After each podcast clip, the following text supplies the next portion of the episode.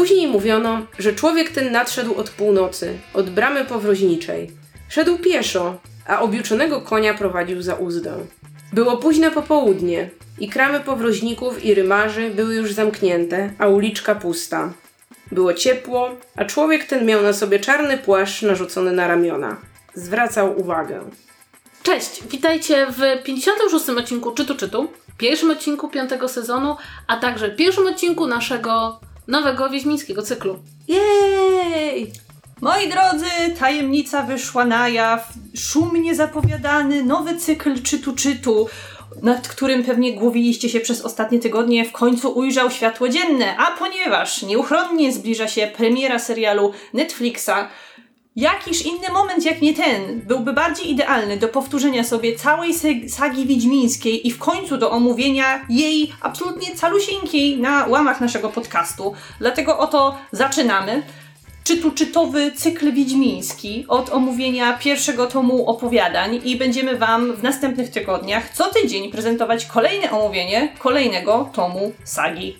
Cieszycie się? Tak, cieszymy się mego, cieszymy się. No, co oznacza, że to jest świetna okazja, żebyście czytali go równolegle z nami. Obojętnie, czy byście czytali po raz pierwszy, czy po raz 58, no to zachęcamy, żeby sięgnąć pod te, wiecie, po te zbiory opowiadań i potem po sagę i wtedy na bieżąco móc komentować, bo ze swojego doświadczenia wiem, jak wiele rzeczy się zaciera i jak wiele rzeczy zdążam zapomnieć z, z tych książek. Tak, może zaznaczmy fakt, że żadna z nas nie czytała tych książek po raz pierwszy. Niektóre z nas czytały je częściej i e, bardziej intensywnie, bo... Ja to ty. Tak, to znaczy ja od razu zaznaczę, że ja odświeżam sobie opowiadania mniej więcej raz na dwa lata, e, natomiast nie odświeżam sobie całej sagi, odświeżam sobie dwa pierwsze i ostatni tom.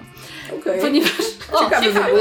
Ponieważ e, ja jestem jedyną chyba osobą na świecie, która lubi ostatni tom, więc za kilka tygodni posłuchajcie, co ja mam o ostatnim tomie do powiedzenia.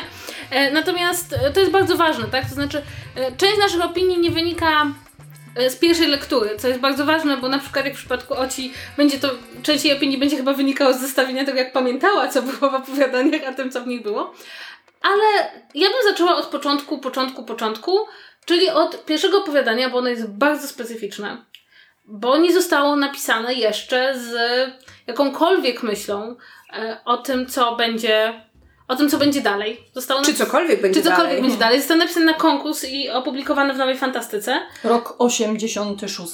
O Boże, Znamienny. To, to dwóch trzecich z nas nie było na świecie w tym roku. Tak, a ja się urodziłam w 86, więc jestem rówieśniczką Kasia już wtedy czytała. Tak. Ja już wtedy, ja się urodziłam po to, żeby czytać Wiedźmina. Tak? Mo mogłaś być dzieckiem Andrzeja Sapkowskiego, Mam... ale nie. Ale nie, nie. Wiedźmin... Chyba nie. Ale on tego konkursu nie wygrał. On nie. zajął trzecie miejsce tak. w tym konkursie. I kurczę, to jurorą tego konkursu musi być tak autentycznie głupio i wstyd, nie? Tak samo jak pewnie pozostali zwycięzcy w ogóle nie zrobili kariery, nikt o nich nie pamięta. No, on, oni się czują jak ci wydawcy, którzy odrzucili Harry'ego Pottera. Tak. E, I to jest bardzo ciekawe opowiadanie, dlatego że właśnie ono jakby zawiera postaci, które potem powrócą, ale jeszcze nie jest tym, czym będą kolejne opowiadania, które będą ten świat budowały dużo bardziej. E, I co jest w opowiadaniu? Krótki spis e, danych przedstawię Wam Ocia, bo na pewno ma to zapisane. Tak, ja mam, ja mam notatki, wróciłam do notowania, bo miałam taki mały przestój. I generalnie mam takie notatki, wiecie, w równoważnikach zdań. E, więc e, osią opowiadania Wiedźmin, według moich notatek, jest fakt, że niejaki król Foltest, władca jednego z królestw w tym świecie, miał dziecko ze swoją siostrą. E, Adą. I tak. Królestwo Temeria. Tak jest. Jestem I, przygotowana. I słuchajcie, i to dziecko trochę nie wyszło. Y, dziecko okazało się strzygą, czyli e, takim, no nie chcę powiedzieć, no takim wiecie, monstrum przerażającym, y, które e, co jakiś czas wychodzi z krypty i zjada mieszkańców y, grodu, czy kogo tam się akurat nawinie. I generalnie, no e, wiadomo, nie przyciąga to, nie wiem, zainteresowania pozytywnego do, do, do, do miasta, do, do królestwa i król wyznaczył nagrodę dla kogoś, kto tegoż potwora wreszcie raz, na, raz i dobrze ukatrupi. No i pojawia się nasz Geralt, który jest Wiedźminem kupi. Y, odczaruje. Odczaruje, to jest znaczy, klucz. Nie, jakby tam są, są różne wersje, jak te nagrody zdobyć, tak? tak? Tam jakby różni ludzie próbują przekonać Geralta, naszego Wiedźmina, że różne opcje będą lepsze. Yy, że lepsze będzie ukatrupienie, nawet jeśli dałoby się odczarować, że lepsze będzie odczarowanie, ale nie wiadomo, czy, po odczar- czy w ogóle odczarowanie takie w pełni jest możliwe. Generalnie tam jest mnóstwo niewiadomych. No jest ten nasz bohater. Ten biały wilk, ten samotny podróżny, który Zjawia się i na dzień dobry robi rozróbę w karczmie. Tak, i to jest, to jest moim zdaniem, to jest najlepsze w ogóle, że to jak jest Wiedźmin w tym opowiadaniu. Przyjeżdżasz do obcego miasta za, za pracą, za chlebem i pierwsze co, to po prostu układasz lokalsów po pyskach, żeby pokazać, jaki jesteś Nie. kozak. No No i go jakoś tam sprowokowali, oni go przezywali, co? No, no, no tak, no. ale kto nie przezywał Geralta? Właśnie, wiecie, po tym co wiem o Wiedźminie, to tam co drugi chłop wyklinał e, Wiedźminów, odmieńców, e, Geralta i tak dalej, ale ci zasługiwali, żeby obić im mordy. Nie no, ale on ich obił, żeby zwrócić na siebie uwagę, prawda? Znaczy, rzeczywiście e, to jest jeszcze Wiedźmin przed umiejętnościami wypytywania ludzi, którędy do pałacu. natomiast, natomiast tak, zadanie polega, zadanie polega na odszarowaniu e, sztrzygi e, i to jest e, o tyle wydaje mi się ciekawe, że po pierwsze w późniejszych opowiadaniach i w ogóle potem w opowiadaniach, zwłaszcza bardzo ważnym motywem będzie gra z takimi istniejącymi narracjami. I kto jest potworem? To jest pytanie, które przewija się chyba przez praktycznie każde opowiadanie wiedźmińskie. I ono już tutaj jest. Tak. Tak, tak, oczywiście, ale tutaj jakby, no oczywiście mamy trochę śpiącą królewnę, takie jakieś Mhm. nawiązanie, ale ono jest dużo słabsze, tak? To znaczy, rzeczywiście potem... W sensie mniej Nie jest widoczne, tak nie ewidentne. Tak, tak. Jest, mnie, I mnie najbardziej bawi ten król, który tutaj występuje w takiej bardzo długoplanowej, powiedziałabym takiej dosyć szemranej roli i go potem nie wymienił e, e, Sapkowski. To pierwszy raz- król zostaje. Król zostaje i on tam potem jest i potem jeszcze nawet odgrywa dosyć istotne role, więc to jest ciekawe, bo Tak, to ten, się pojawia... znaczy ten król, który chciał puknąć własną siostrę i skutecznie puknął własną siostrę, wciąż tam jest jako Tak, e, tak. urzędujący władca I przez cały grach czas. jest. Tak, i to e, jest bardzo tak, ciekawe, tak bo ten jest. król mam wrażenie, jakby w tym opowiadaniu jest taki totalnie, prawda, jakiś tam król. I potem jakby tworząc swój świat, on wziął tego króla, ale zmienił mu trochę charakter. To znaczy on... No już nie puka własnej siostry, ani własnych krewnych. żyje. Ale, słuchajcie, ale powiem wam w ogóle taki fun fact, który nie ma absolutnie żadnego związku z czymkolwiek, ale muszę komuś powiedzieć, że nie wiem czemu, jak czytam o królu Folteście, to ja mam przed oczami e, tego króla ze Shreka. Tak wygląda Foltest w mojej głowie, nie wiem czemu, nie pytajcie. Okej. Ale Okej. wiesz co, bo ja też mam jednego bohatera sagi wiedźmińskiej, który dla mnie wygląda jak król ze Shreka, ale to jest zupełnie inny bohater i dojdziemy do niego. Ale, ale być może, wiesz, nie wiem, to jest... To ja nawet jestem to w stanie zrozumieć. Natomiast e, dla mnie jest dosyć ciekawe to, że w tym pierwszym opowiadaniu ten Wiedźmin jest taki strasznie taki mroczny i nie wiadomo skąd przychodzi. Edgy, I nie? taki edgy i jakby jedną z charakterystycznych cech Wiedźmina potem stanie się coś jego wypowiedzi. I właściwie on zagaduje. Tak, i te wszystko takie dowcipno-sarkastyczne uwagi, no nie? Którymi Ale tu jest taki mega poważny. Taki... A tutaj powinien gra, grać go Tom Hardy i robić... Ja myślę, że w ogóle to nie byłby taki zły pomysł, gdyby Wiedźmina grał Tom Hardy.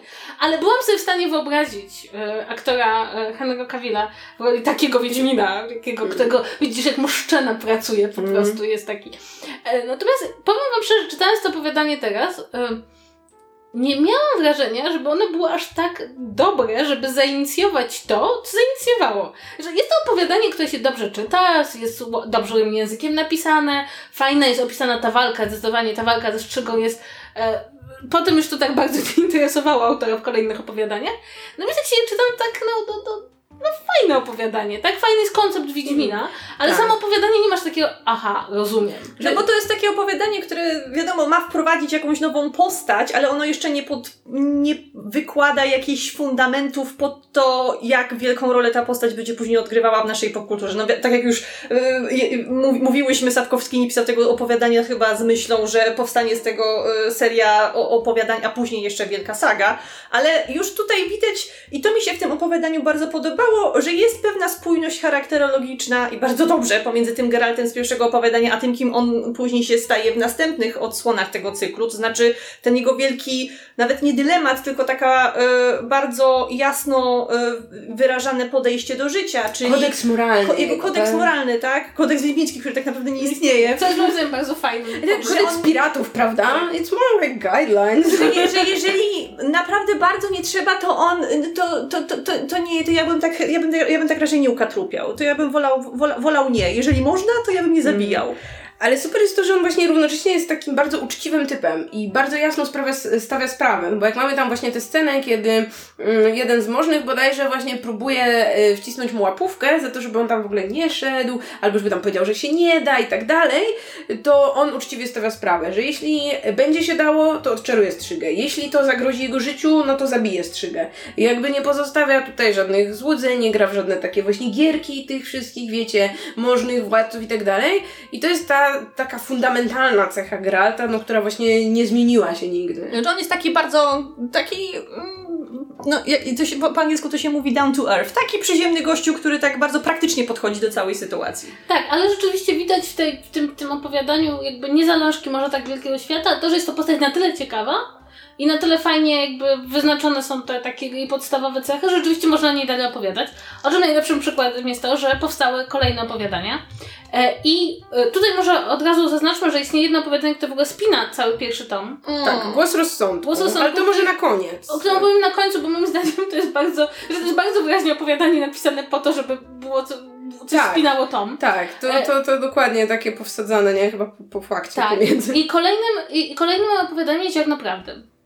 I Ziarno Prawdy to jest... To jest piękna, to jest piękna i bestia. Tak, i to bardzo jasno nawiązujące, tam są do, do, do, tego, do tej klasycznej opowieści o pięknej bestii, łącznie z różą. Zamkiem, Zamkiem. e, tym klątwą, e, tym obrazem, że on tam ma te swoje portrety, gdzie wyglądał jak kiedyś, prawda? To... Tak, to wszystko się zgadza.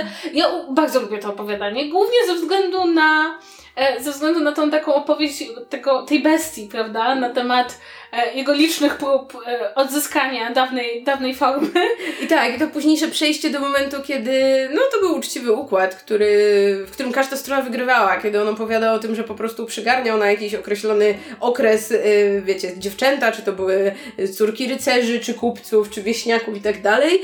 I wszyscy byli zadowoleni z tego układu, prawda? Bo one tam y, za, zarządzały domostwem, y, on był bardzo dobry w alkowie, prawda? Więc Przegryzaniu mebli. Ładnie określiłaś bardzo Tak, i to fajnie. bardzo ciekawe, dlatego że to jest jedno z tych opowiadań, gdzie Wiedźmin tak naprawdę nie ma żadnego zadania. Jakby tu pojawia się, znajduje ciała na drodze i, i to go prowadzi, do, do, staje się świadkiem pewnej historii. E, I, I czy wy, słuchajcie, czy wy też miałyście wrażenie, że to opowiadanie y, Geralt zaczyna jako Sherlock Holmes? Że to jest tak, że on idzie po tym lesie, widzi jakieś tam ślady, że tu jakaś gałąź łamana, tu jakiś but, tu jakaś tam, nie wiem, strzała, cokolwiek. I słuchajcie, i w jego głowie jest to, co wiecie, w głowie Benedykta Cumberbatcha, gdzie widzi od razu, że tu to stało, tu ktoś szedł, biegł, upadł i tak dalej, bo ja to totalnie widziałam i mam wrażenie, że widzieli to też twórcy gry. Bo w trzeciej serii Geralt jakby regularny detektywi, także macie taki tryb, gdzie on widzi właśnie ślady, rzeczy i tak dalej. I to po prostu nigdy wcześniej tak na to nie spojrzałam, czy w wcześniejszych lekturach, ale tu widzę, że to jest opowiadanie, w którym Geralt jest Sherlockiem Holmesem. A płotka jest Watsonem? Tak, Płotka totalnie jest Watsonem, bo Znaczy, on z nią gada. Tak. do momentu pojawienia się Jaskra, to koń jest, tym najbliższym, najbliższą istotą Geraltowi. Tak, zdecydowanie.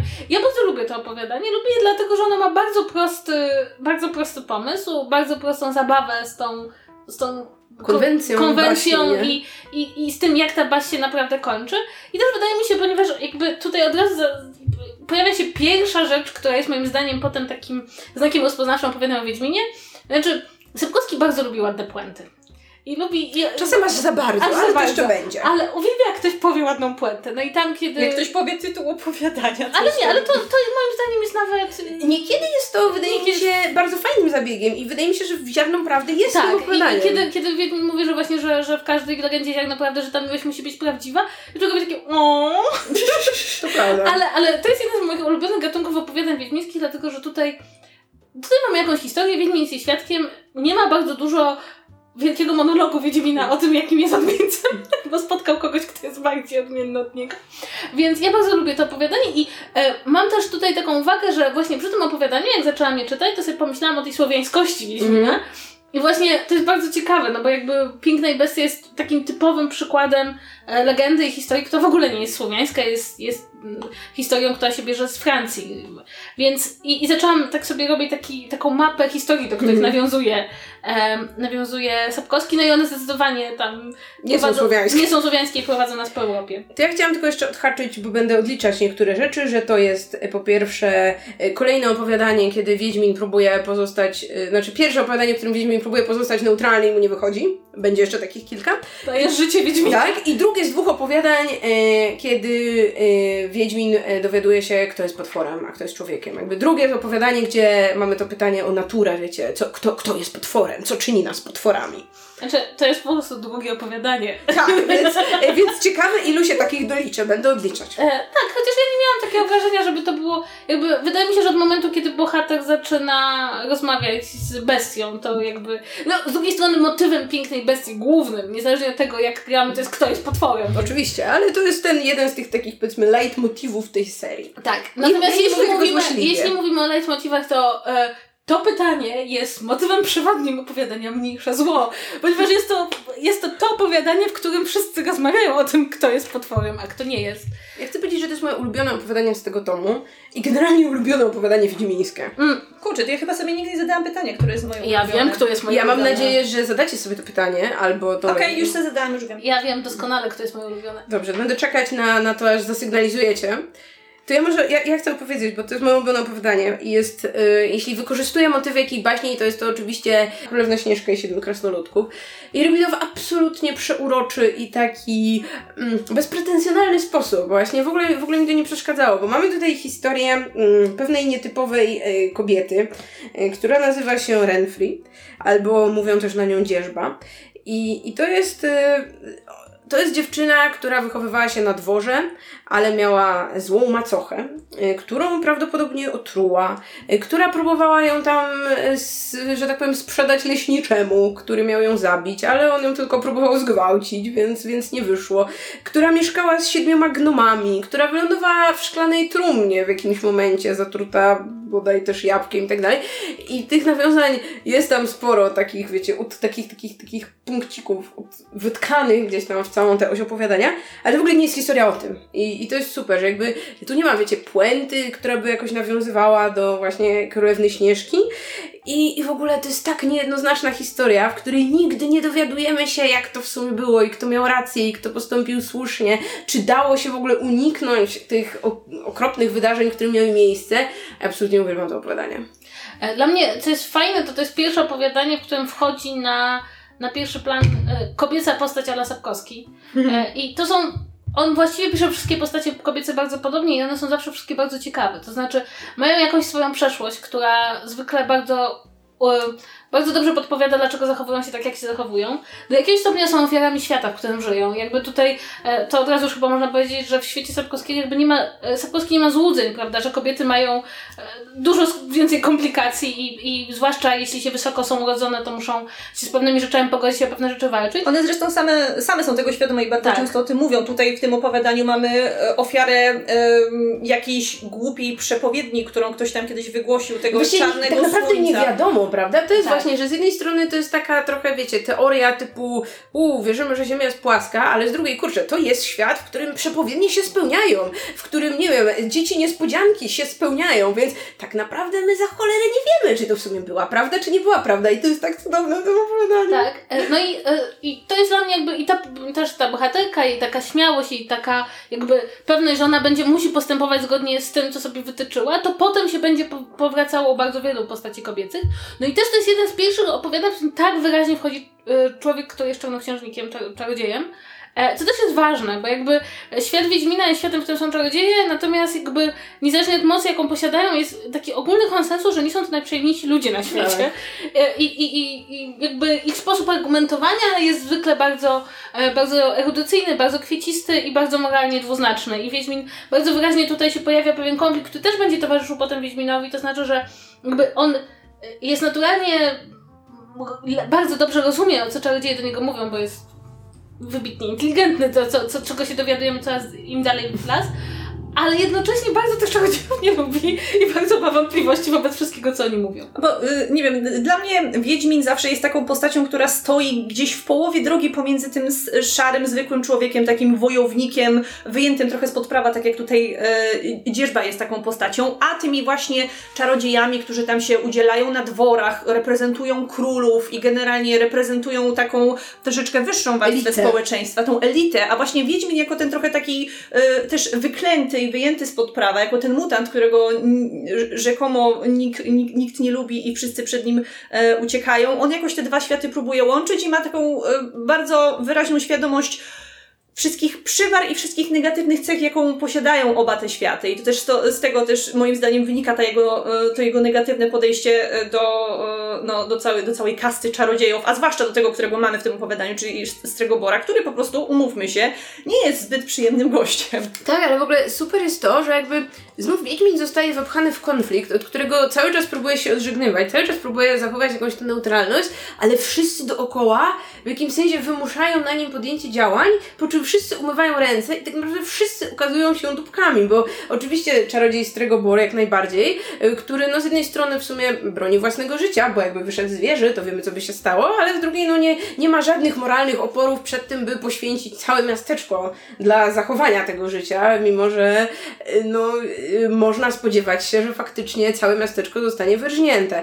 No jest ten burmistrz, który na początku wydaje się spoko gościem i wydaje się stać po stronie Geralta, a koniec końców też no, dla własnego wygodnictwa i posady i tak dalej, no to decyduje się nie stanąć po stronie Wiedźmina, yy, który uratował mu miasto, być może, tylko no każe mu wypadać w podskokach, Ale no jest... bo takie prawo. Ale wydaje się też, że to jest trochę takie jakby pokazanie, że człowiek, który próbuje postępować jakby moralnie w świecie zawsze, niezależnie od tego, jak bardzo chce chce być moralny i postąpić słusznie, no rzeczywiście zawsze, zawsze znajdzie się w sytuacji wybierania, jakby, w której może zostać sam, albo zostanie właśnie zmuszony do wybierania mniejszego zła, co tutaj e, to opowiadanie dosyć dobrze e, pokazuje, że czasem nie ma dobrych, dobrego wyjścia i, i w sumie Wiedźmin tutaj wypada wyjątkowo o tyle szlachetnie, że w ostatecznym rozrachunku on też wszystko traci. To znaczy, tak. on nic tutaj nie może, nie jest to sytuacja, w której on w żaden sposób jest w stanie zyskać. Ja też to bardzo opowiadanie lubię.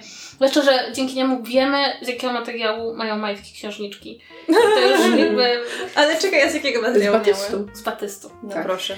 Mi no. się też podobało to, to znaczy, bo tutaj to jest takie chyba pierwsze opowiadanie, w którym jest taki mocno zarysowany, e, ciągle towarzyszący Wiedźminowi motyw, e, mianowicie e, to, że Geralt jest postrzegany przez wszystkie osoby jako po prostu taki bezmózgi najemnik, który ma tylko i wyłącznie wykonywać ich polecenia i nie dyskutować z tym. I y, jest to takie fajnie, tak fajnie skontrastowane te jego wewnętrzne dylematy związane z tym, y, czy zachowywać neutralność, czy nie zachowywać tej neutralności, i z tą z wymuszaniem na nim takiej bezwzględnej posłuszności, jak od po prostu robota, który nie ma ani żadnych własnych przemyśleń, ani żadnych własnych emocji, co też później jest y, bardzo wyraźnie widoczne w tym następnym opowiadaniu. Nie wiem, czy już to, to ja, tylko, to ja tylko powiem, że to było drugie opowiadanie, w którym Wiedźmin próbuje zachować neutralność i trzecie opowiadanie, które stawia nam pytanie, kto tu jest potworem. Czy ty tak. prowadzisz Excela do tego? Yy, w głowie. Ale to ja myślę, że, że po drugim tomie sagi to już jest, wiesz, oficjalnie tak. Nie no, będę, będę odhaczać tego odpowiadania, bo później no to w tom, tomy tak, to już tak. trudniej. E, natomiast tak, przechodzimy do opowiadania, które jest moim ulubionym opowiadaniem z tego tomu, na 100%. O, uf, czyli, czyli jednak, okej, okay, bo ja chciałam powiedzieć to tak. samo, właśnie teraz na szybko patrząc na listę opowiadań zdecydowałam. Tak. I jest Zaraz to, czemu. I jest to kwestia ceny, która jest opowiadaniem o tym, jak Wiedźmin zostaje zaproszony, ubrany, przebrany za rycerza, zaproszony na ucztę e, w Cintrze u królowej e, Kalante. Tak jest. I nie wie do końca o co chodzi, ale jak się ma okazać w czasie wieczoru, został tam przyprowadzony w bardzo ważnej sprawie, albowiem, e, albowiem królowa spodziewa się kogoś, kto przyjdzie i zaburzy e, e, uroczystość z okazji 15 urodzin jej, to, jej wnuk, nie, córki, córki, córki, tak, córki, tak. E, I dlaczego uwielbiam to opowiadanie? To mogę go powiedzieć, dlatego że tam wszyscy gadają. I nic się nie dzieje. I ogólnie rzecz biorąc, e, ja jestem, jestem zdania, że jeśli coś naprawdę dobrze wychodzi, um, dobrze wychodzi Sapkowskiemu, to takie urywane dialogi, które po podpowiadają nam różne fragmenty y, sytuacji, różne charaktery bohaterów, bardzo szybko ich poznajemy, a także pozwalają domyślić się pewnych rzeczy, które dzieją się pomiędzy postaciami, a najlepsza jest tutaj rozmowa właśnie Geralta z królową Kalantę, która y, sugeruje mu, że jakby no, każdego da się zmusić do wszystkiego, wystarczy tylko znaleźć jego cenę, a Wiedźmin ponownie próbuje przekonać ją, że być może nie ma takiej ceny, za którą wszystko się da zrobić. E, no i jest to opowiadanie absolutnie kluczowe z punktu widzenia wszystkiego, co się wydarzy to prawda. później. Mhm. I e, jestem bardzo, bardzo ciekawa, czy e, pisząc je Sapkowski zdawał sobie z tego sprawę, ponieważ sama historia, do której nawiązuje, czyli o rycerzu zaklętym wieża, jest dobrze, dosyć dobrze znana, jest takim typowym nawiązaniem Sapkowskiego, takim dowcipnym nawiązaniem do, do historii, które wszyscy znają. Natomiast już e, to, jak napisał chociażby Królową, czy, czy to, jak kończy się opowiadanie w sposób otwarty w dużym stopniu, em, ja się tak właśnie cały czas zastanawiałam, czy on już wtedy miał takie poczucie, że mógłby z tego jeszcze kiedyś skorzystać, bo y, to jest opowiadanie, które wprowadza bardzo wiele postaci i to krótko opisanych, ale bardzo dobrze. I w sumie... To jest takie otworzenie wielu furtek, Tak, prawda? Przez wielu. które myślę, że no, autor mógł sobie swobodnie wybierać, czy przez nie przejdzie, czy nie i w jakiej formie. No bo tak naprawdę też e, w różne strony mógł te potem wątki pociągnąć, prawda? Tak, tak. Natomiast No. to jest powód, dla którego ja uwielbiam to opowiadanie. A w- dla mnie właśnie to opowiadanie jest ulubionym z, tej, z, z tego pierwszego tomu, e, właśnie dlatego, że ono jest fundamentem tej całej bardziej rozbudowanej historii, która toczy się na następnych e, kartach książki, a, e, opowiadań, a później sagi, bo ja mam po prostu, ja mam słabość do, do takich przemyślanych, wielowątkowych intryg, wielo- wielowątkowych sag e, i, i później takie nawiązywanie do nich i pokazywanie ich początków w jakimś konkretnym opowiadaniu, to, to mnie strasznie, to mnie strasznie, znaczy nawet nie chwyta za serce, ale mnie tu jara. Bo mnie jara, jarają te nawiązania do tego, co w życiu Geralta później dalej się wydarzy, które wszyscy, to, to, to, co wszystko możemy tutaj znaleźć w tym opowiadaniu, bo tu jest tyle postaci, które później przewijają się jeszcze na, e, na, kartach, e, na kartach opowiadań, zwłaszcza później w sadze i to, że to, to w ogóle e, ta historia zapoczątkowuje jego związek z Ciri, której teoretycznie jeszcze w tym opowiadaniu nie ma, ale ona fizycznie tam już jest, to jest, to jest właśnie to, dlaczego, yy, dlaczego ja to opowiadanie tak lubię, bo ono po prostu z punktu widzenia całej, całej dalszej historii Wiedźmina jest, jest najważniejsze. To, to jest tutaj ta historia Wiedźmina tak naprawdę yy, na dobrą sprawę się zaczyna. Znaczy, Ja dla jeszcze- mnie to nie jest żadne, powiedzmy, jedno z żadne, nie wiem, top 3 ulubionych opowiadań, ale tym elementem, który w tym opowiadaniu najbardziej lubię, jest postać królowej Kalanty, która moim zdaniem jest absolutnie doskonała. I mimo, że to jest postać, no w gruncie jeszcze epizodyczna, bo pojawia się później jeszcze w jednym opowiadaniu w retrospekcjach, a później pojawia się tylko w jakichś wzmiankach i generalnie już nigdy więcej tak nie spotykamy jej w pełni, to moim zdaniem jest kapitalnie zarysowana. Jest właśnie też fantastycznym portretem kobiety, która no właśnie umie sobie poradzić z tym, y, jakby co ma, prawda? Że no chciałaby władać, nie chce wychodzić za kogoś, kto będzie tam rządził za nią i w gruncie rzeczy y, no czasem jest surowa i opryskliwa, ale no ma serce po dobrej stronie i też no można z nią, że tak powiem, na rozum pogadać. Można y, jej przymówić do, do rozsądku, jeśli jest jakaś chwilowo, nie wiem, zbyt zapalczywa, czy, czy nie bierze jakichś rzeczy pod uwagę. I, i tak, i to jest mój ulubiony Ja element. uwielbiam cały ten wątek, kiedy Wiedźmin siedzi przy stole i obserwuje zarówno królową, jak i tam ja, ja, jak, się, jak się on nazywał? Y, Ace, ten... Ace. Tak, Ace i, i, i, i po w półsłówkach i dialogach między nimi, i pomiędzy zmianą wyrazu twarzy i tonu, domyśla się, co tutaj ma miejsce. I powiem szczerze, to bardzo lubię, ponieważ to jest coś, co bardzo mi przypomina doświadczenia brania udziału w jakimkolwiek imprezie. To są ludzie, przy których nie wiesz, co ich łączy i, i właśnie w takich półsłówkach i wyrazu twarzy sobie próbujesz to odwzorować. I też zgadzam się z tym, że postać w ogóle jest świetnie napisana. To znaczy, że rzeczywiście Kalanta jest taką postacią, która ja potem sobie próbujesz przypomnieć, że rzeczywiście i potem już się spotykasz, to myślę, jak to, jak to jest możliwe? Bo to jest tak jednoznacznie dobrze napisana postać, która ma takie bardzo konkretne cechy, że nawet jak tylko się o niej wspominasz, to ją od razu wyobrażasz i tak trochę słyszysz, co by powiedziała, zwłaszcza, zwłaszcza jak y, Ciki tam kilka opowiadań później odtwarza, co babka jej zrobi, tak. to ty wiesz, kim jest ta babka i co jej realnie zrobi. To jest ciekawe, jeżeli chodzi o postać Kalanty, to to, że ona tyle razy później pojawia się wspominana przez inne osoby i to dopiero te retrospekcje i te wspominki w ustach innych postaci kształtują nam i dopowiadają nam y, resztę cha- cha- charakteru jej jako bohaterki.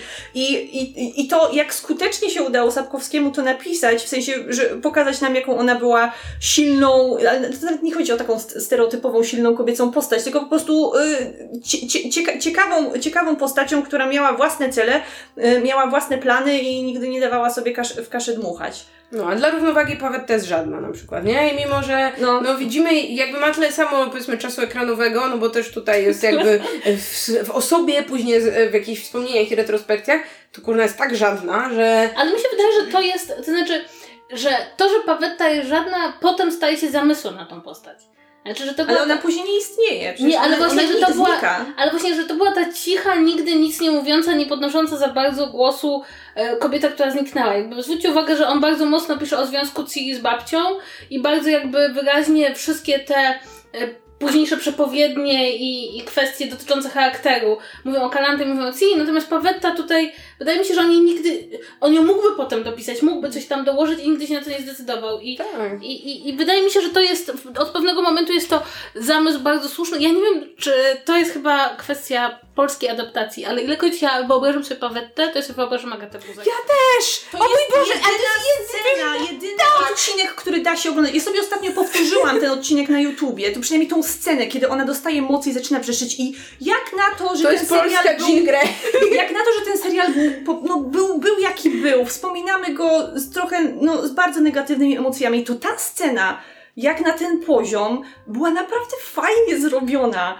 I to się, i to się dało oglądać. I Ale- Agata Buzek była bardzo dobrze Ale ja nie wiem o co chodzi, bo wiesz, ja nie widzę twarzy innych aktorów jako właśnie w głowie, jako obrazy postaci, a totalnie widzę Agatę. Totalnie, totalnie, ja mam dokładnie to samo, więc być może, być może to się nazywa casting idealny, kiedy cały serial jest nie do oglądania, kiedy nie zapamiętasz nikogo innego, a, a jedna postać na zawsze ma e, twarz aktorki. Czy Natomiast, mogę zapalić czerwonego koguta na chwilę? Tak. tak? Czy chcemy porozmawiać o tym, że tam dorosły mężczyzna uprawia seks z piętnastolatką? Tak. Nie, Czemu to- nie? to znaczy ja... To Dla mnie, jest średniowiecze. Tak, Tak. było, deal with it.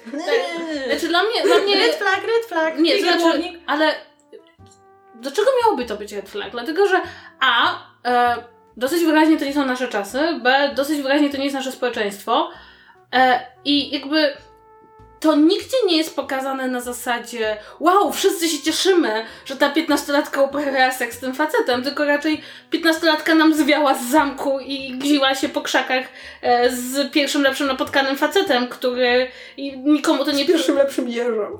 e, nikomu to Najeżdżą jakby, na kamieniu. jakby zwróć uwagę, zwróć uwagę, że jej babcia zatrudniła faceta, żeby go zabił. W związku z tym nikt nie jest zadowolony z tej sytuacji. Więc jakby dla mnie to jest jasne, że w kon konwencji i kontekście tego świata, no to nie wydarzyło się nic bardzo dobrego, ale to, to opowiadanie nie tak mówi. było, nie? Tak. Ale to opowiadanie nie mówi na zasadzie wow, fajnie, super. I jakby wydaje mi się, że ono też trochę ma wywołać w nas takie na zasadzie mm, jesteśmy w świecie, w którym piętnastolatka jest wydawana za mąż. Zresztą potem jakby e, dosyć wyraźnie w kolejnych tomach sagi Są gorsze rzeczy. Sapkowski zaznacza, że e, tam jest takie, że e, Kalanta nawet przesuwała ten wiek e, uznania osiągnięcia przez bohaterkę pełnoletności, więc ja mam takie poczucie, że to jest po prostu element przedstawiony tego świata, ale nie są przedstawione jako jako pozytywny, jakby nie, nie, nie mam tam nigdzie na zasadzie takiej hurra, ona się z nim przespała, wręcz przeciwnie, to jest dosyć duży problem. To znaczy, znaczy dla, ja, ja wiem, że to ostatecznie to nie miłość Pawetty zdejmuje klątwę, więc też, ale, ale, ale mam trochę takie odczucie, że to było kreowane na taką pozytywną historię miłosną, no bo oni chcieli być razem, tak? No tak, Ale- ale, przy czym jeśli ona faktycznie, znaczy dobra, no możemy niby wiecie mówić, czy no 15-latka może podjąć taką decyzję, ale biorąc pod uwagę, nie wiem, te czasy, w sensie, no wiecie, czasy, na których to jest wzorowane, no to kurczę, wydaje mi się, że ona i tak miała całkiem fajne losy, nie? W sensie, wiecie, tam wydawano pewnie 10 i 12-latki za typów, których one wcale nie chciały, ona przynajmniej sama sobie wybrała tego jeża. Znaczy, ja przypomnę tylko, że jeszcze w jakieś kilkadziesiąt lat temu w Polsce było prawo, które uznawało dziewczynę, która chciała wziąć ślub za, pełnoletnią, jak miała 16 lat. Czekajcie, kurde. Bele. Megu, pora wstawać.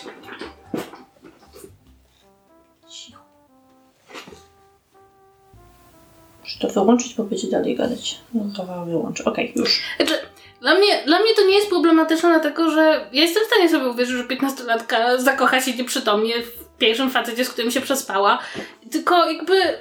To, ja, ja tam w ogóle nie widzę tego, że to jest coś pozytywnego. Wszyscy mają z tym problem. Dziewczyna robi głupstwo. Trzeba się z tym głupstwem pogodzić, bo, bo takie.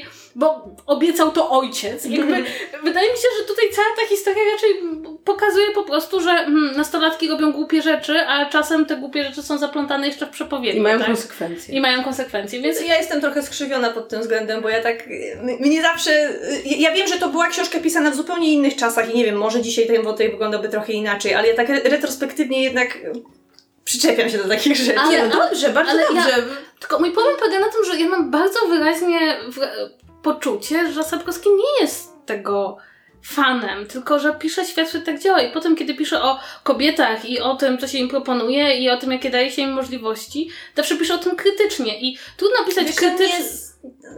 Jest, tam parę takich momentów, że nie zawsze, że zaciągnięcie dziewczyny w krzaki i zgwałcenie jest traktowane jako heheszki. No nie wiem, ja. To jest jeden z tych fragmentów, który podkreśliłeś, bo widziałam i dla mnie to nie jest heheszek. Dla mnie to jest ewidentnie, ma podkreślić ci, jacy to byli niefajni ludzie. Dla mnie to w ogóle nie ma kontekstu, kontekstu heheszku. Okej, dobra, no to, to, no to Tak samo, jak, na to inaczej. tak samo jak w Okruchu Lodu jest takie zdanie, że Wiedźmin jest wściekły, bo widzi jak karczmarz obłapuje dziewczynę, jest wściekły, bo dziewczyna płacze, jest wściekły, bo ma 12 lat. I, i, i jakby to jest dla mnie takie dosyć wyraźne, że to jest taki świat, w którym takie rzeczy się zdarzają i, i dosyć wyraźnie, że naszym bohaterom się to nie podoba. I powiem szczerze, nie jestem do końca przekonana, czy do fikcyjnego świata, który dzieje się w realiach bardzo wyraźnie dla kobiet średniowiecznych, możemy się czepiać, jeśli autor próbuje je odtworzyć. E, Wydaje mi się, że wiecie, potem zwłaszcza, nie wiem, podejście do, do już wsadzę do wątku Ciri pokazuje nam jakby jednoznacznie, jakby którą stronę biera autor, bo kurczę, Ciri zawsze jest w stanie potem skopać tyłek każdemu, kto próbuje zrobić jej krzywdę, nie? I w ogóle jakby, no, nie- no nie wiem, dla mnie jakby ten e, dosyć, dosyć wyraźnie jakby pokazuje e, potem nawet komentarze odnośnie Ciri, że ona już by miała męża, kiedy ewidentnie wszyscy w książce traktują ją jak dziecko, tak? Jak ona tam ma potem 13 lat. Mm. I, i, I oni dosyć wyraźnie, jest dosyć wyraźnie powiedziane, ona już miałaby męża, więc to jest taki świat, no jakby miała, wydaje mi się, że można, jeśli autor jakby nie uważa tego za fajne, a ja nigdzie nie widziałam, żeby autor uważał to za fajne, nie wydaje mi się, żeby, można, żeby zawsze autor musiał pisać przeszłość, czy świat oparty o zasady przeszłości, zgodnie z naszą moralnością XXI wieku w naszym świecie. Bo wyjdzie Downton Abbey. Tak, tak, zdecydowanie, tak, gdzie nikt nie może być antysemitą. Dobra, słuchajcie. Do brzegu. Y, to ja tylko powiem, że to jest kolejne opowiadanie trzecie, w którym Wiedźmin próbuje zachować neutralność i mu nie wychodzi. I pod pewnymi względami to też jest pytanie, to też jest opowiadanie, w którym mamy wątek, czy on jest potworem w stosunku do pana Jeża. Tak? Czy jest jeżem, czy nie jest jeżem? Tak więc możemy przejść do kolejnego opowiadania i to jest Kraniec Świata. I powiem wam, że to jest opowiadanie, za którym niespecjalnie przypadam.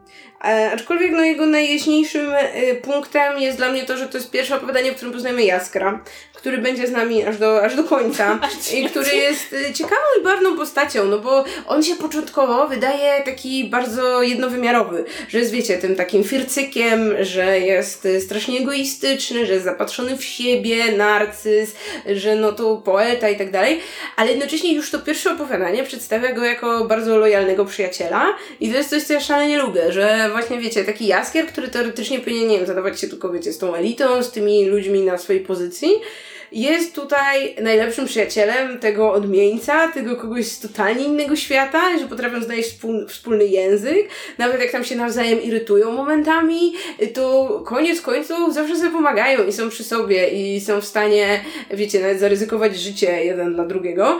I to jest mój ulubiony aspekt tego opowiadania. A nie cierpię tego, powiem wam, nie cierpię tej, tego ludowego aspektu i tego diabła i... Więc ja powiem tak, ja w tym opowiadaniu uwielbiam to, że są elfy. I to elfy, które zostały zepchnięte przez ludzi w góry i tam umierają z głodu.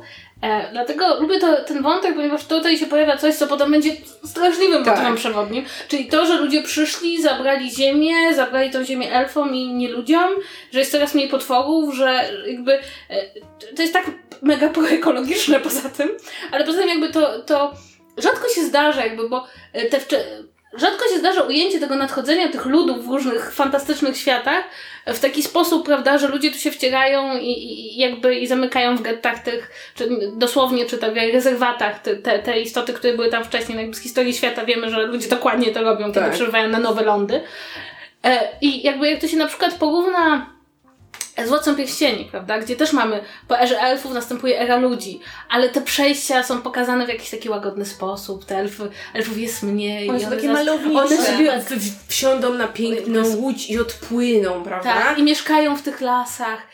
A tutaj jakby Sepkowski bierze bardzo podobny wątek i mówi, nie, to tak nie będzie, wy ich wygłodzicie, zniszczycie to, co oni mają, Tak, zabierzecie im wybijecie im ziemię. całą młodzież, co później wraca Tak. na przykład. E, zabierzecie im ziemię i będziecie ją uprawiać inaczej. I, i powiem szczerze, że dla mnie to, to, to jakby to spojrzenie na odchodzenie tego, co tam było. I to, I to, co potem stanie się motywem przewodnim, to, że Wiedźmini są coraz mniej potrzebni, bo jest coraz mniej Tak, potworów. tak. E, To jest takie ekologiczne, ale jednocześnie taki bardzo, bardzo ciekawy sposób pokazywania końca pewnej ery w taki natu- bardziej taki ekologiczny, naturalny sposób. Natomiast e, jeśli chodzi o diabła, no to ja powiem szczerze tak, 99% dowcipów z diabłem jest beznadziejnych, ale uwielbiam puentę tego opowiadania. Wiem, że ona jest bardzo prosta i bardzo taka... Przypomnij puentę. Puenta brzmi, e, kiedy Jaskier próbuje znaleźć tytuł dla ballady Ojej, Koniec dobra, świata i wiem. dobranoc powiedział diabeł. Ja to uwielbiam, to jest takie proste. E, natomiast, natomiast właśnie, to jest pierwszy raz, kiedy, ale to też jest bardzo ciekawe, dlatego, że poznajemy elfy i poznajemy je w Dolinie Kwiatów. I Dolina Kwiatów potem wraca jako w sadze, prawda? Staje się kluczowym miejscem z punktu widzenia historii elfów i, i ich, e, ich próby odzyskania swoich ziem. I też jestem ciekawa, czy to jak, e, jak w, tym, w tym opowiadaniu, bo to pierwszy raz się pojawiają elfy, em, jak rysuje ich problem i, i to, co, jak ich relacje z ludźmi, to jak rysuje Sapkowski, to czy też już wiedział, że, że właśnie ta, to, to elfy i to, że one właśnie będą próbowały ten, ten ostatni raz e, coś dla siebie odbić, czy to będzie jego, jego motyw, motyw bardzo istotny w sadze, bo to też się już tutaj pojawia, a jednocześnie jest to moim zdaniem opowiadanie, które powinniśmy zapisać do opowiadania, w którym Wiedźmin oraz jego przeciwnik, przeciwnik czy osoba, z którą rozmawia, wypowiadają bardzo długie, bardzo erudycyjne mowy z mnóstwem poetyckich przenośni, których nikt nigdy by nie wypowiedział w żadnej sytuacji. I to się już będzie za Wiedźminem ciągnąć do, do końca dni jego. Znaczy, z, z całe, mam wrażenie, że dla mnie z całego pierwszego tomu to jest takie opowiadanie, które zrobiło chyba na mnie najmniejsze wrażenie, ale też dlatego, że ono do pewnego momentu jest takie bardzo lekkie i nawet powiedziałabym humorystyczne. No to szukanie tego diabła, polowanie Tak, diabła, rzucanie w niego tymi kamieniami, to jak on potem odrzu- je odrzuca i się okazuje, że to po prostu jakaś wiejska babka e, ka- kazała tym e, chłopom, chłopom tak zrobić, to, to jest do, do pewnego momentu to jest po prostu strasznie leciutkie, a później jak wchodzą elfy i jak zaczyna się, jest mowa o tym, że one wymierają i że ten szlachetny lud, który zawsze panoszył się w bardzo zwiewnych szatach po, y, po, po, po, wie- po wielkich zamkach i ma taką bogatą historię i to był kiedyś ich świat, że on po prostu w bardzo brutalny sposób wymrze, bo, no bo, bo, bo, no bo nie No będzie bo miał nie co mogą się jeść. rozmnażać Tak, też, nie, ma, tak? nie, nie, nie, mogą się, nie mogą się rozmnażać, to to jest y, taki, wprowadza taki duży kontrast pomiędzy wymową pierwszej części o tego opowiadania, a, a, a drugą. I i to, to co, o czym ja już mówiłam, że ja mam taką słabość do tego, do, do, do, do, do, ty- do tych wielkich historii i jak to, co Kasia powiedziała, jak ja wiem, że te elfy wprowadzone w tym opowiadaniu będą potem bardzo ważnym motywem i ich losy będą bardzo ważnym motywem w całej sadze, to dla mnie to jest zawsze wartość dodana i ja już sobie, i, i już sobie czekam na te momenty, jak one potem w sadze będą się pojawiać i, i ich motywy i ich wątki będą dalej rozbijane. Tam jest jeszcze jedna rzecz, która mi się strasznie podoba w tym opowiadaniu. To jest bardzo mały fragment, kiedy Jaskier zastanawia się, jak ułoży tą balladę i mówi, że dochodzi do wniosku, że nie, nie, nie zaśpiewa elfach i właśnie, bo, bo ludzie by przyszli i zabraliby jeszcze więcej i jacyś idioci wybraliby się w góry. Myślałam sobie, że to jest taka, taka dobra refleksja nad naturą człowieka, prawda? Tak. To znaczy, że e, prędzej słysząc o czyjejś słabości i cierpieniu, ludzie będą próbowali ją wykorzystać dla siebie, niż, niż się przychylić do tego. I jakby powiem szczerze, że to jest, mi się przede wszystkim bardzo podoba to właśnie to pokazanie tej brutalności nadchodzenia nowej epoki, tak? Która zwykle w historiach fantasy jest heroiczna, tak? To jakiś heroiczny czyn. A tutaj właśnie to, to, to, to jest takie biologiczne, takie, oni się już nie mogą rozmnażać, oni wymierają, ich już nie będzie. I jak, co więcej, nie wiem, czy ty też ma, tak macie, ale czytanie Sapkowskiego w 2019 roku ma takie wow! Prawda? Tak, on wiedział. on- on To, wiedział. to jest pierwsze chyba opowiadanie, w którym właśnie no mamy jakieś te motywy takie, wiecie, właśnie ludowe, jakieś tam baśnie, legend, coś tam, coś tam, ale one w ogóle nie są ważne, bo ważne są te wszystkie współczesne analogie i tu się robi najbardziej kluczowe. Właśnie, wiecie, to, to, to no jasne, chyba każdy to zauważył, nie? Te analogie właśnie e, elfów i innych też potem raz, do tych właśnie wszelkich uciskanych mniejszości, e, obojętnie czy żyjących kiedyś, czy żyjących teraz dalej i, i, i to jest fajne, jakby to się robi takie coraz bardziej postmodernistyczne i takie też bardziej takim, wiecie, lewackim komentarzem i mówię to oczywiście pozytywnie. No, Tak. słyszycie? Turbosłowianie? Nie, ale, ale tak, zresztą, e, no i, i też mnie bawi, bo ta, e, te, ten, ten element ludowości, który się tam pojawia, e, który jest taki kompletnie znikąd, prawda? To znaczy ewidentnie Wiedźmin chciał, fu, Wiedźmin, Zabłocki chciał doprowadzić do konfliktu i go rozwiązać i tutaj wchodzi, prawda, na głowie kwietny mawianek, tak? E, Co też jest bardzo ciekawe, bo wydaje mi się, i to jedna z tych tych rzeczy, która mi przyszła do głowy, jak czytałam to opowiadanie, jak strasznie trudno jest je przetłumaczyć na inny język. Bo już pomijając wszystkie te takie drobnostki związane z tym, gdzie diabeł mówi dobranoc, to jak wchodzi, prawda, ta panna majowa, to masz tak w głowie zaczyna ci się te wszystkie skojarzenia, które masz, tak. które są tak mocno w naszej kulturze i zastanawiam się do jakiego stopnia czytają takie opowiadania ludzie, którym, którym te rzeczy się tak nie, nie świecą od razu, prawda? Bo ja, właśnie, bo to jest moja kwestia. Ja nie uważam, żeby Wiedźmin był słowiański, absolutnie, a uważam, że są miejsca, gdzie jest tak niesamowicie polski. Ale no. i to, to, to, to w tym opowiadaniu, to jest chyba jedno z niewielu opowiadań, nie, właściwie jedyne opowiadanie w tym całym zbiorze, w tak. którym to tak, no to, Przybu- to jest przebija, tak, tak widać, nie? widać, tak, no. mocno. I wydaje mi, i to w, w, pierwszej grze jest jakby też właśnie, jest jedna sceneria, która totalnie wygląda jak właśnie, tak powiem, przeniesiona z tego opowiadania, też jest, wiecie, taka mała wioska, ona się tam nazywa Odmęty, są te pola, są właśnie, wiecie, południce, północnice i to jest właśnie, to jest dokładnie to opowiadanie, jakby, jakby ktoś ten klimat trochę przeszczepił tam, no tylko nie ma diabła. Tak, no i słuchajcie, ostatnie opowiadanie Opowiadanie jest, tytułowe. Okay, no. Opowiadanie niesłychanie kluczowe z punktu widzenia wszystkiego, co się Ostatnie wydarzy potem. Życzenie. A wbrew pozorom wcale go tak nie lubię. Jak na moje umiłowanie do kluczowych rzeczy, które zapoczątkowywały wątki w tej sadze, no to, to, to nie jest mój ulubiony bohater. Znaczy, ja wam powiem szczerze, jak czytałam tę książkę po raz pierwszy i miałam lat 13, to było to opowiadanie tak niesamowicie dobre. Tak, takie, takie romantyczne. Takie, że, że łzy tam ronisz na koniec. I masz nie? takie poczucie, że o mój Boże. I, i, i spędzasz godziny myśląc nad tym I wielka potem, miłość. I masz, a potem masz już lat 30 parę i zaczynasz masz takie co? Mm. znaczy, największym problemem z tym, no bo to jest, o, mówimy o opowiadaniu Ostatnie Życzenie, w którym Wiedźmin z Jaskrem wyławiają e, amforę. Tak. Z amfory wyłania się Jean, rzuca się z e, rękami na Jaskra, kontuzuje go, no i Wiedźmin zawozi go do najbliższego miasta, gdzie akurat przebywa chwilowo czarodziejka. E, Jennifer z Wengerbergu. Tak, i e, Wiedźmin postanawia się z nią spotkać w interesach i to spotkanie ma, jak wszyscy wiemy, niesamowite konsekwencje dla wszystkich. Oj tak. E, I największy problem z tym opowiadaniem jest taki, że to opowiadanie, żeby działało, zakłada, że Wiedźmin i Yennefer po spotkaniu mogą do siebie czuć jakieś uczucia.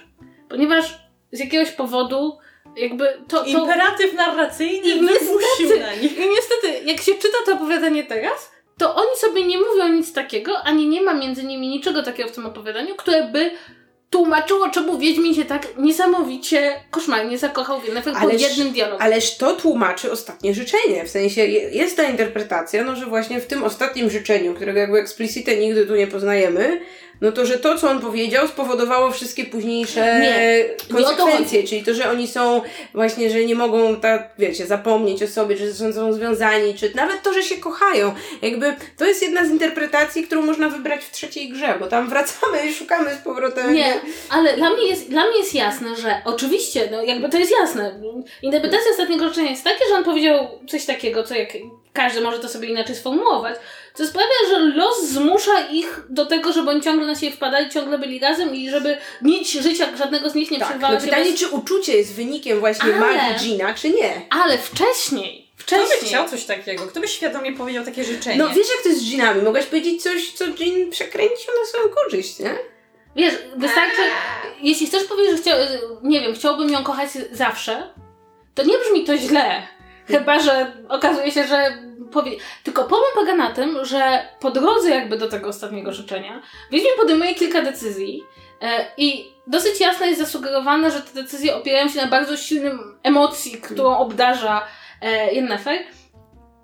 I za cholerę to nie wynika z niczego, co się w tym, y, co się wcześniej tam dzieje w tym opowiadaniu. Bo oni tak naprawdę zamieniają ze sobą kilka słów. Ale on widzi kształty w kąpieli. Może ale, to zadecydowało. Ale to, ale problem polega na tym, że ja rozumiem, że on się chciał nią przespać, ale tam jest dosyć wyraźnie, bo tam jest w tym opowiadaniu... Ale czy, czy to już w tym opowiadaniu on widzi ją jako tą garbuskę, która... Tak, tak to patrzy w jej oczy no, ale w jej oczach po, to który, po, po, jakby, ale od razu jak ją spotyka, to zaczyna na nią krytycznie patrzeć. I tam jest ten zakochany w niej elf, tak? Tak. To jest w ogóle świetnym wątkiem, bo Tam tak się wszyscy w niej kochają. Kto się tam w niej nie kocha w tym opowiadaniu? Tam połowa Ja wioski. bo jest nieprzytomny. Połowa wioski się w niej kocha, razem z tym lordem, u którego ona No tak, tylko że nie jest do końca, bo kwestia polega na tym, że jakby zakładamy, że czarodziejka może sprawić, że każdy się w niej zakocha. Jest jasne, że ten lord, u którego ona nocuje, to raczej on, no, on pozostaje pod jej czarem dosłownie.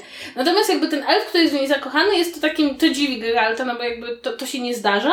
I on sam wie, że nie jest pod wpływem uroku, tak? Więc jakby tutaj mamy dwie postacie, które wiedzą, że nie są pod wpływem uroku. I e, ten wys- służy tam po to, żeby nam powiedzieć, że on rozumie jakby motywację Wiedźmina. W związku z tym już wiemy wcześniej, zanim Wiedźmin wypowie swoje ostatnie życzenie, że jego motywacje są... e, że on jest zafascynowany tą czarodziejką. Ale tam autentycznie, nawet gdyby widział jej biust pod, pod mydlinami, tam nie ma, oni sobie nie mówią nic takiego, co by tą fascynację wywodziło poza tym, że no fajna, bezczelna babka, tak? No, i Znaczy, to jest wiesz, takie...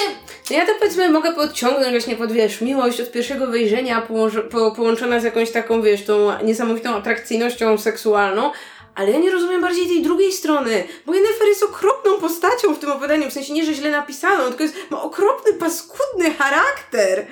I ja mam wrażenie, że tak naprawdę dopiero pierwszy tom sagi trochę ją rehabilituje jako postać, jakby, że ona w opowiadaniach jest, no kurczę, tak nieznośna, Mhm. jest zawsze tak wredna, tak okropna, potem w okruchu lodu to już w ogóle nie cierpię jej w okruchu lodu, bo nie cierpię okruchu lodu, ale Yennefer nie cierpię szczególnie w okruchu lodu, bo oprócz tego, że jest wredna i rozkapryszona, to jeszcze jest ohydną, dwulicową babą, która mówi Geraltowi, wytyka mu niewierność, a sama cały czas ma dwóch, po prostu nienawidzę tego. Mnie, mnie strasznie skrzywiło to, e, że nie skrzywiło, ale moją, e, na mój odbiór tego całego opowiadania bardzo wpłynął musical. E.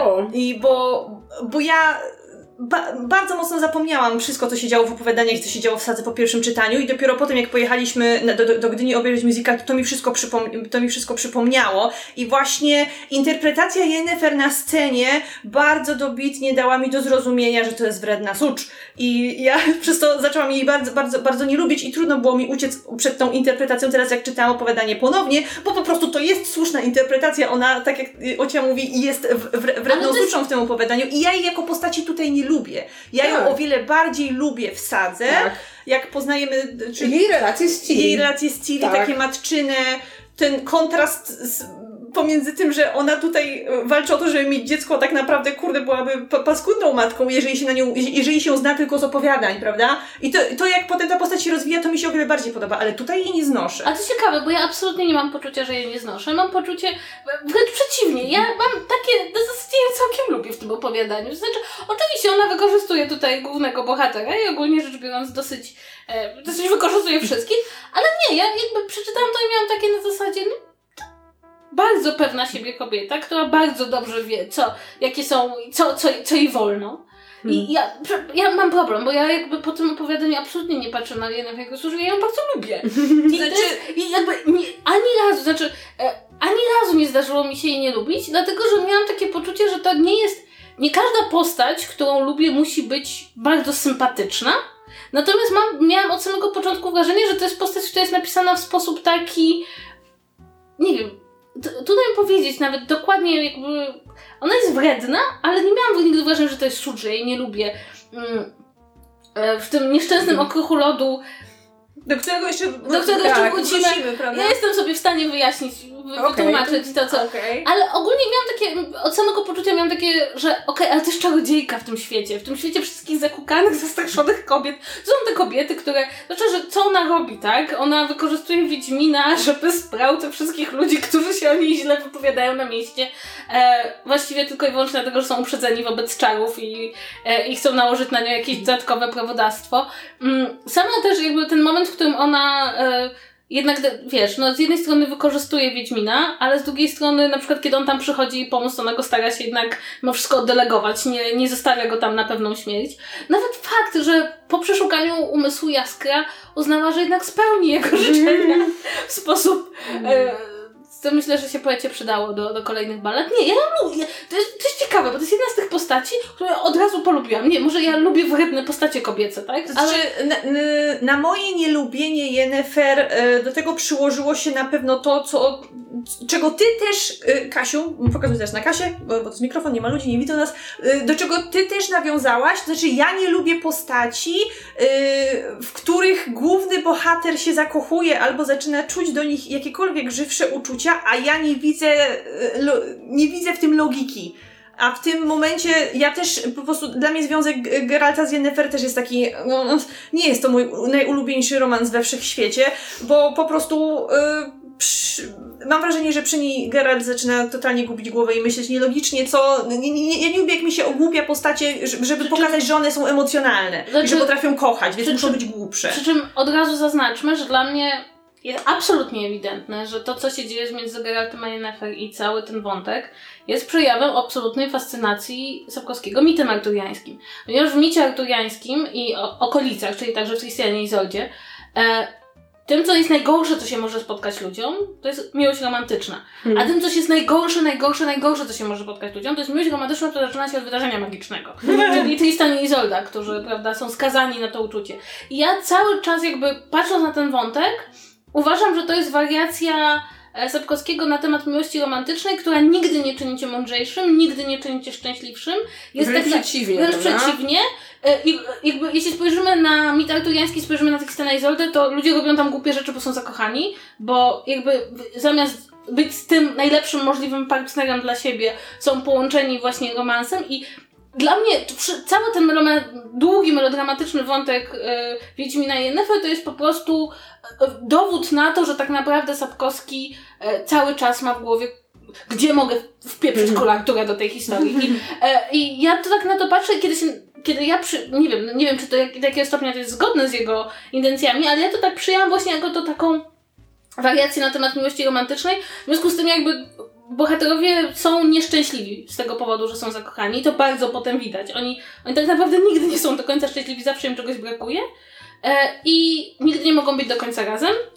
E, i, I to jest dla mnie właśnie, dla- dlatego ja ten wątek lubię, bo ja go, ja go interpretuję właśnie w tym kontekście, prawda, że to jest taki Tristan i Izolda, dobrze Tristan i Izolda tego świata i oni wypili magiczny eliksir i już nigdy nie będą No szczęśliwi. właśnie, ja mam z nim problem, bo jakby ja totalnie kupuję właśnie taką konwencję, że nie mogliby być razem, bo wiecie, okoliczności zewnętrzne, ale oni nie mogą być razem przez to, jacy jakby sami są i właśnie ja nie do końca wierzę w to, w prawdziwość tego ich uczucia, no bo te wszystkie ich, jakby oba ich rozstania, które później obserwujemy gdzieś tam w, w drugim tomie, no to one nie wynikają z tego, że wiecie, coś wielkiego stanęło im na przeszkodzie, coś ważniejszego od tej miłości, czy cokolwiek innego, co właśnie czyni ich takimi tragicznymi, rozdartymi kochankami, tylko, no kurczę, to były ich decyzje, które były w obu przypadkach e, krzywdzące dla drugiej strony, niekoniecznie dobrze umotywowane. I no tak jak to jest pisane przez autora, to takie po prostu niedojrzałe, no. I to jeszcze, wiecie, e, u bohaterów, którzy oboje, no, nienaturalnie długo żyją, e, widzieli mnóstwo rzeczy, być byli w mnóstwie krótszych, czy tam nawet krótszych związków, czy coś, ale generalnie teoretycznie wiedzą, czego chcą od życia. Oboje są takimi pisanymi, jak właśnie takie, wiecie, pewne siebie postacie, które wiedzą, czego chcą, zwłaszcza Yennefer, a tu kurczę wobec siebie, niby ta wielka miłość, ale w sumie taka, no w sumie nie wiem, czy cię chce. I jak dla mnie to albo, albo. Jeśli ma być wielka miłość, w którą ja wierzę, to oni powinni chcieć się najbardziej na świecie, a co najwyżej właśnie czynniki zewnętrzne powinny stawać im na przeszkodzie, a tak naprawdę oni sami stają sobie na przeszkodzie, a ja już jestem w takim wieku, że ja nie wierzę w to, żeby dwoje dorosłych, dojrzałych ludzi nie umiało sobie poradzić z tym, gdyby to faktycznie była wielka miłość. No Patrz, więc ale dla mnie to nie jest tylko- wielka My miłość. mamy tylko 30 lat, a oni tam mają, Yennefer ma ile? 300 Ale czy dla mnie, takiego? ale nie wiem, bo dla mnie to jest właśnie dowód, jakby cały czas ta książka moim zdaniem próbuje ci już mówić, że, że taka miłość jest kompletnie bezsensowna, że jest irracjonalna, że człowiek nie powinien jakby skazywać się na miłość romantyczną i wiesz, problem polega na tym, że ona stoi w poprzek tego, czego oni chcą. Dlatego, bo Wiedźmin nie chce mieszkać z nikim w jednym miejscu, bo to jest wbrew niemu, e, a jednak nie będzie niczyją partnerką na zasadzie takiej, że... Wyłączności. Na, na zasadzie wyłączności, bo i moim zdaniem nie, akurat ja jestem, jestem w stanie jakby moim zdaniem, oczywiście ja pamiętam, jeszcze zaznaczę, że ja mam jednak trochę inną miarę oceniania wątków realnych i życiowych i wątków Mm. literackich, bo jednak pamiętajmy, że istnieją pewne tropy literackie, które w życiu się bardzo rzadko zdarzają. I Na przykład Tristan i Isolda. Tak. Ilu znamy ludzi, którzy zjedli razem coś albo wypili razem coś? Ile znamy takich historii, prawda, że ktoś wysłał swojego czempiona, żeby pokonał, żeby przywiózł córkę króla innego państwa, tak.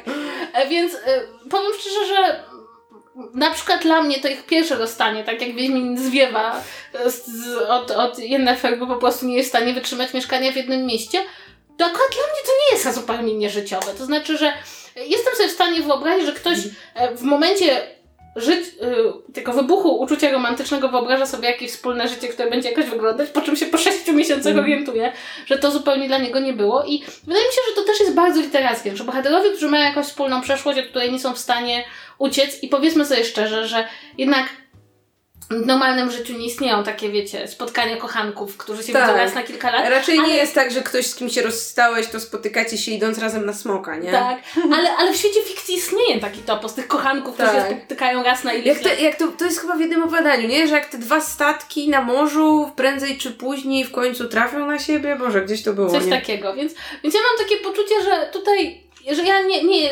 przykładanie realnych ram związku do, do Wiedźmina i do Yennefer nie ma sensu, bo to jest taki bardzo, zdaniem on jest bardzo zagrany w konwencji wątek. I rzeczywiście, i być może też dlatego te postacie są dużo ciekawsze, kiedy nie są razem. Bo zarówno Yennefer niesłychanie zyskuje, jak nie ma Tak. w okolicy, i także nie, Wiedźmin też, też zyskuje, bo właśnie nie są moim zdaniem uwięzieni tym literackim, czy właśnie kulturowym, bo to toposem, a wiedzmy, że Sapkowski jest wielkim fanem toposów i ogólnie rzecz biorąc uwielbia je przerabiać i, i wykorzystywać dla siebie. I to jest ostatnie z tych dużych opowiadań, a istnieje jeszcze Tak. opowi- uber opowiadanie, że się tak Głos rozsądku. To jest taka niby klamra narracyjna, ale też taka klamra, która pojawia się między szkatułka. opowiadaniami. Więc właściwie to jest taki, taki sznurek, na które nanizane są pozostałe teksty. I ten głos rozsądku, jakby mam wrażenie, no jego prymarną funkcją jest, no moim zdaniem, osadzanie tych opowiadań na linii czasu, ponieważ one w książce nie są chronologiczne. Y, Czyli te historie poznajemy z różnych etapów życia Wiedźmina i niektóre są jakby wcześniejsze, są jakby opublikowane później w tomie, prawda? No i ten głos rozsądku, przez to, że tam Wiedźmin zawsze z kimś rozmawia, jakoś tam nawiązuje do tej historii, którą my jako czytelnicy za chwilę poznamy, no to ma nam wprowadzić ten pewien porządek. No bo jakby sam ten głos rozsądku, czyli pobyt Wiedźmina w świątyni Melitele, no to jest to taka wizyta e, rekonwalescenta po walce ze Strzygą, czyli po tym pierwszym opowiadaniu, no i później e, poznajemy właśnie te jakieś wcześniejsze rzeczy i potem na końcu Wiedźmin z tej świątyni po prostu sobie odjeżdża. No i e, to jest taki tekst, który ma też swoją fabułkę w jednym momencie, ale generalnie no to wydaje mi się, że no ewidentnie on jest po to tylko, żeby spajać te pozostałe i nam jakoś tam porządkować. A ta drobna fabułka, no to jest to kolejny przykład sytuacji, kiedy Wiedźmin próbuje zachować neutralność, ale mu nie wychodzi i kto jest potworem. Bo oczywiście, jeszcze tylko dodam, oczywiście mamy w tym opowiadaniu te wątki, że Wiedźmin jest mutantem i że jest odmieńcem i jeszcze mamy początek e, przepowiedni i tak.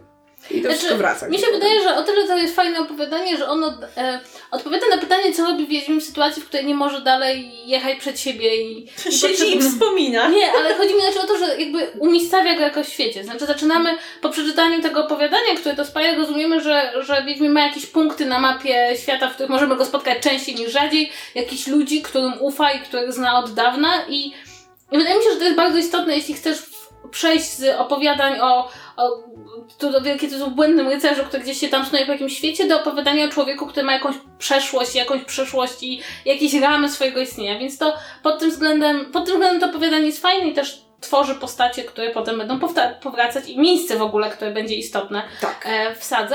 Między innymi Nenekę, która moim zdaniem też jest tą postacią, o której, której jest bardzo mało, a która też jakby wiecie, jest całkiem dobrze nakreślona i zapada w pamięć. Tak. I, i A ja, która... ja, ja totalnie tutaj dymną widzę. Totalnie, nie da się zobaczyć nie da się inaczej. Anna Nie Dymna, da się naprawdę. inaczej. Naprawdę, autentycznie to jest tak bardzo Anna Dymna. To jest... Pamiętacie, że tam Peszek grała Jolę? Nie. Nie, zupełnie. Nie, sorry, tylko Agata Busek. No, więc właśnie Neneka jest tą taką, wiecie, oczywiście zastępczą figurą matki dla Wiedźmina, która tu trochę pogrozi palcem, ale tam jak trzeba to ojoja, e, o- ojoja tutaj, wiecie, bolące miejsca. No, później wiemy, że ona jest mniej. zawsze pro Wiedźmin, to jest taki syneczek, Tak. zawsze jak tam Yennefer I przyjeżdża. to, I to już jest trochę w tym opowiadaniu Ale prawda? Bo oni tam Ale rozmawiają tym. jednocześnie to jest bardzo fajny też fakt, że mm, to jest kolejna postać kobieca, którą pisze e, Sokołowski, którą z jednej strony wpasowuje w pewne ramy, prawda? Tak, taki archetyp tej takiej ma- matki.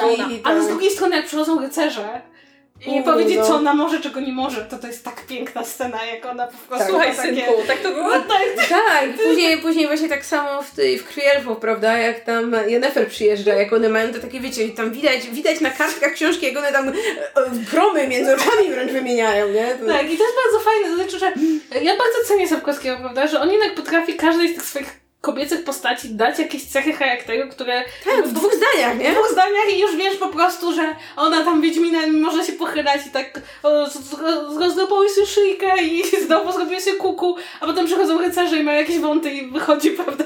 Nie, tam jest ta scena, co, to, to, tam było, to było coś ci upadło, synku, jak on rzuca, jej Tak, tak. rzuca tą rękawicę. Tak cudowna scena. No, ale muszę wam powiedzieć, i to jest zdanie, które nie spodziewałam się wypowiedzieć, że ja przez lata byłam przekonana, że cykl e, tom opowiadań Miecz Przeznaczenia wolę bez porównania bardziej niż tom opowiadań Ostatnie Życzenie.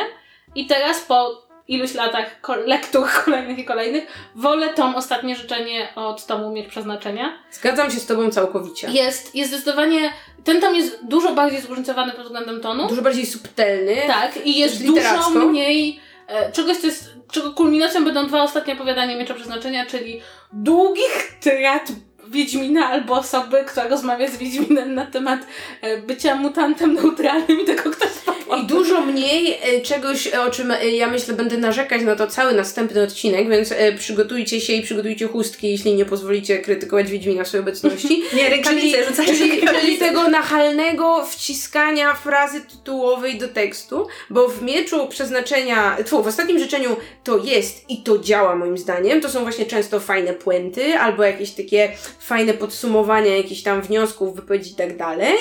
A w mieczu przeznaczenia to się robi nieznośnie grafomańskie miejscami. E, e, tu, się, tu się z tobą zgodzę. Też mnie, bo tutaj mnie to nie bolało w ogóle. Tutaj to myślałam, że to jest o, fajne. Spodobało mi się, a potem to już to było, kurde, ile masz lat 16? Ile naprawdę Specjalnie śruby, Ja nie? wiem, jak się to opowiadanie nazywa, naprawdę musisz mi o tym przypomnieć, ale y, one się chyba, to nie było tak, że on, niektóre z nich się nazywały inaczej?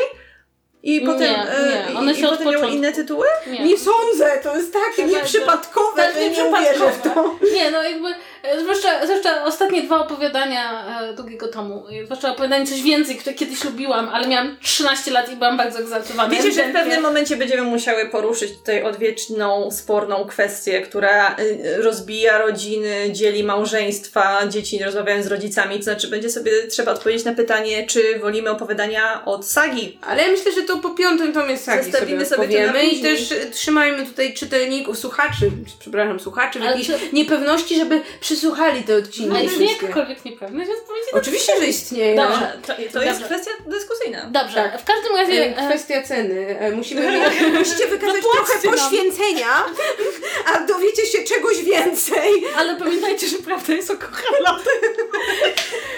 I to jest dobry moment, by skończyć ten odcinek. To jest następny tom dopiero. Tak, i słuchajcie, e, i jeszcze... Głos rozsądku nam tak podpowiada. Tak, e, a propos głosu rozsądku, to A. chyba ostatni, ostatnie takie zdanie na sam koniec, ponieważ my się tutaj e, śmiejemy, pastwimy, krytykujemy, dyskutujemy. Ej, ale Ale chwalimy też bardzo na maksa. Ale Fajne. tak, ale Tak. pragnijmy Wam przypomnieć jedną rzecz, że można czerpać olbrzymią, niesamowitą radość z czytania czegoś, czy, czy z obcowania z jakimś dziełem kultury i sztuki, a jednocześnie podchodzić do niego krytycznie. I ja A, robimy to jednak, tak? Robimy to jednak, robimy to jednak. mówimy Ja bym to, chciała okej. jedną rzecz dodać, może na samym końcu tego, opowiada- tego opowiadania, tego odcinka, że ja uważam, że saga Wiedźmińska jest jedną z najważniejszych, w ogóle książki Wiedźmińskie są jedną z najważniejszych książek w moim życiu.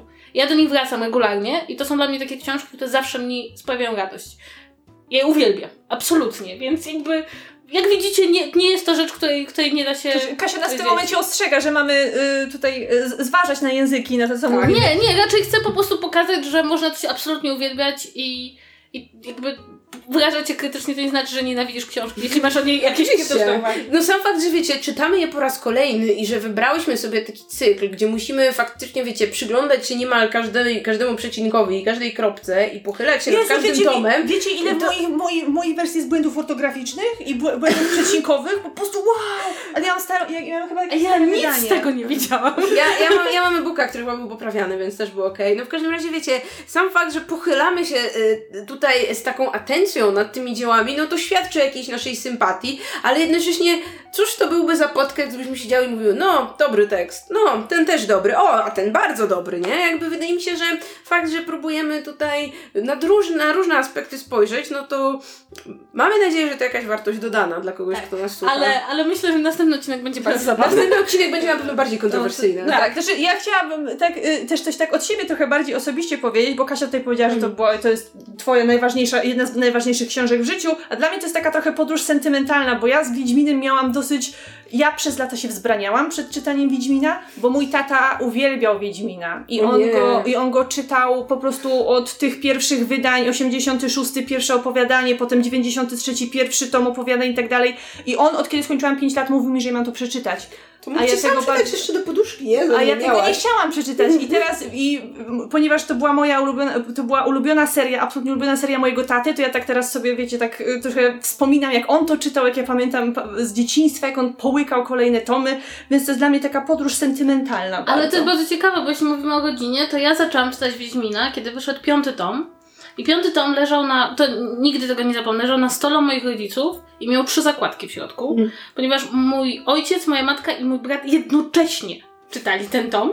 I ja jakby wszystkie rozmowy przy obiedzie były o Wiedźminie. I ja po prostu zaczęłam to czytać. E, też miałam takie, że to jest, to, to jest to, co się czyta. Ja to zaczęłam czytać, że ja zrozumieć, o co w ogóle chodzi w życiu mojej rodziny. Jestem zdumiona, że mieście jeden egz- egzemplarz, bo w mojej głowie jesteście takim trochę rzeczywistym odpowiednikiem rodziny Borejków i każdy powinien mieć swój egzemplarz, bo wszyscy daliście je sobie na gwiazdkę. Chciałabym tylko powiedzieć, że kiedy doszliśmy do godzinnego czytania. E, co to było? To były. Harry Potter pewnie. Nie, nie, Harry, Harry'ego Pottera mieliśmy dwie egzemplarze, ale rodzinne czytanie Igrzysk Śmierci polegało na tym, że każdy siedział w swoim pokoju, w swoim domie i tylko było takie wychodzenie z pokoju i pytanie. Na którym rozdziale jesteś? Tym, wyjdź. Dzisiaj to prościej, bo no wiadomo, zrzucacie się na e-booka i każdy Tak. czytanie. No, więc, więc tak, więc y, myśmy się już wybrały w podróż sentymentalną. Mamy nadzieję, że Wy też y, zachęce, zachęceni i zachęcone przez nasz y, podcast wybierzecie się albo w pierwszą podróż, albo w podróż sentymentalną Tak. e, i będziecie nam już towarzyszyć przy kolejnych tomach i, i do usłyszenia. Tak, jeśli chcecie nam coś e, konkretnego napisać, to myślę, że pierwszy odcinek jest też fajnym miejscem, żebyście właśnie wy nam napisali, jak zaczęła się wasza przygoda z Wiedźminem. Nie wiem, ile mieliście lat, jak pierwszy raz przeczytaliście, czy trzeba było was namawiać, czy nie. Ewentualnie, no może właśnie dzięki nam, że to jest właśnie teraz będzie wasza pierwsza lektura, bo to też będzie nam bardzo miło przeczytać. A my słyszymy się za tydzień i nie będzie